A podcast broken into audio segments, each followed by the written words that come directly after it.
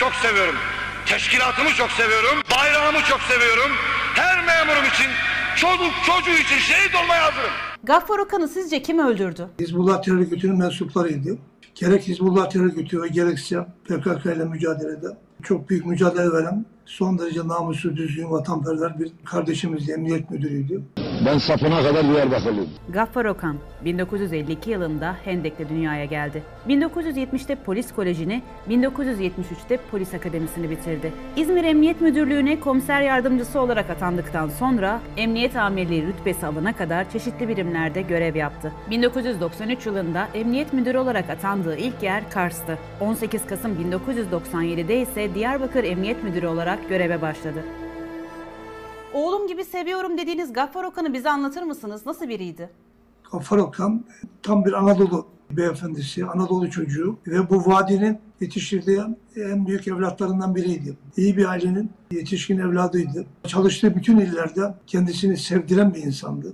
Çalışmalarıyla, halka yaklaşımıyla, özellikle alçak gönüllülüğüyle, mütevaziliğiyle çok farklı bir yapısı olan bir kardeşimizdi. Gaffar Okan Diyarbakır halkı tarafından çok sevildi. Kadın polisler ilk kez onun emriyle sokağa çıktı ve trafiği yönetti. Mavi ve beyaz renklerde boyattığı otomobillere ikişerlik kadın polis memuru görevlendirdi. Bir otomobil kaybolan çocukları toplayıp ailelerine teslim ederken diğeri de yürümekte zorlanan yaşlılara yardım ediyordu. Gaffar Okan geceleri sık sık esnaf ziyaretlerinde bulunuyor, sokakta karşılaştığı vatandaşlara cep telefon numarasını veriyordu.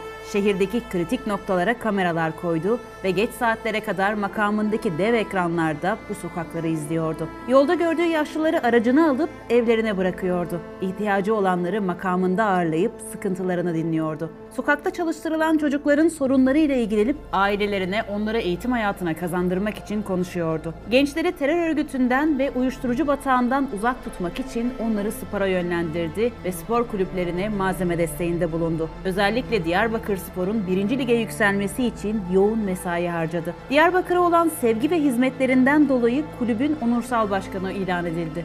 Gaffar Okan Diyarbakır'da bambaşka bir polis profili çizmişti. Halkın sevdiği bir insandı. Halkın tarafında olan bir insandı. Yani devletle Kürt halkının arasında bir köprü oluşturmuştu. Özellikle Gaffar Okan oradaki çalışmalarıyla gece yarısı sabaha karşı hemen her yerde, her zeminde çoluğundan çocuğun herkes rahatlıkla Diyarbakır'da gezebiliyordu. Hiç kimse kimseye bir şey diyemiyordu. Ve orada e, hem Hizbullah terör örgütü hem PKK'nın yoğun olduğu o bölgede adeta devletin güler yüzü olmuştu.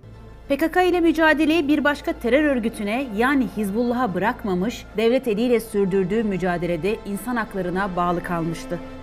Tehditler almasına rağmen Diyarbakır'ı terk etmedi. E, kendisini korumak için nasıl önlemler alıyordu? Çalışmalarından dolayı tehditler alması gayet doğaldı. Baktığımız zaman Gaffar Okan oradaki faaliyetleri gerek PKK'nın gerek de Hizbullah terör örgütünün birebir eleman kazanmak için faaliyetlerini engellediği için de örgütler tarafından bir tehdit olarak Gaffar Okan gözüküyor ve sevilmiyordu. Hizbullah onu açıkça tehdit etti. Öldüreceğini açık açık söyledi. Bunun için hazırlık yapıyordu. Okkan'a kanas tüfekle suikast düzenlenecekti. Önce örgütten kanas tüfek istendi. Ardından da şehitlik semtinde makamına gidiş geliş yolunda eylem gerçekleştirebilmek için bir ev kiralandı. Evet sadece bir perde takıldı. Eylem gerçekleştirilecek ve silah o evde bırakılıp evden hızlıca uzaklaşılacaktı.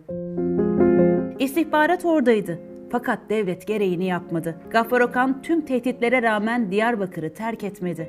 Burası benim evim diyordu. 24 Ocak 2001 günü saat 17.40 sularında makamından çıktı, valilik binasına doğru seyir halindeydi. Şehitlik semti Sezai Karakoç bulvarında beraberindeki 5 polis memuru ile birlikte pusuya düşürüldü ve şehit edildi. Gaffar Okan öldürüldüğünde evli ve iki çocuk babasıydı.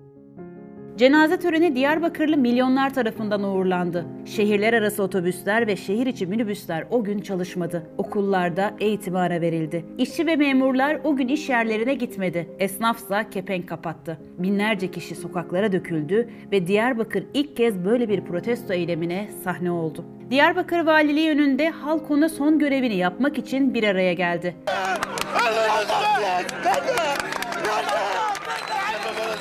Gaffar Okan ve şehit polisler Atilla Durmuş, Mehmet Sepetçi, Mehmet Kamalı, Sabri Kün ve Selahattin Baysoy'un cenazeleri morgdan alınıp tören alanına getirildi. Törende imam o soruyu sordu. Şu anda ve yanındaki şehit civan gençlerimizi, memurlarımızı nasıl bilirsiniz? Nasıl bilirsiniz?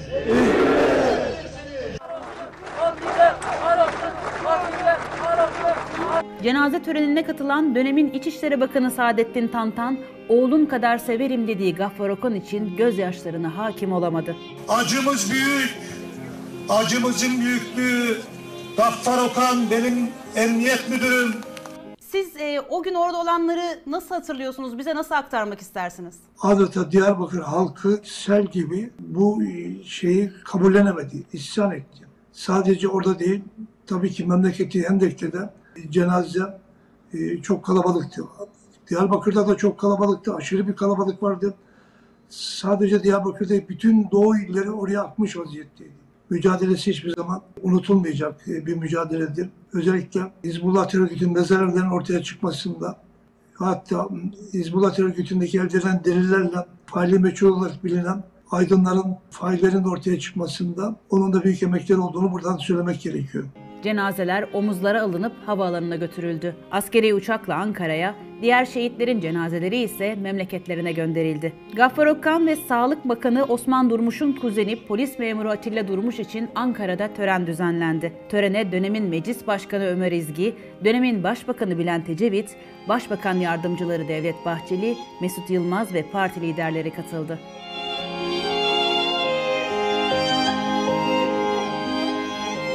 Ankara'daki törende de hüzün ve gözyaşı vardı. Törende konuşma yapan Saadettin Tantan konuşmakta zorlanıyordu. Gerekli önlemler alınsaydı Gaffar Okan cinayeti engellenebilir miydi? Gaffar Okan kendi önlemini alıyordu zaten ama e, orada farklı bir silahlı eylemle karşı karşıya kaldığı için yapacak bir şey kalmadı.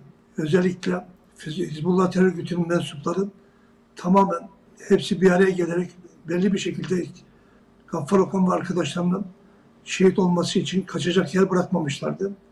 O bakımdan ne yaparsanız yapın eğer karşınızdaki güçten her türlü eylemde bulunacaklarsa her şekilde bu eylemi gerçekleştirebilirler. Gaffar Okan suikasta uğradığında 49 yaşındaydı. Cinayetin ardındaki sır perdesi hala aralanmadı. Bu cinayet önceden engellenebilir miydi? Ya da gerekli önlemler alınsa Gaffar Okan hala yaşıyor olabilir miydi? Bu sorular hala sorulmaya devam ediyor.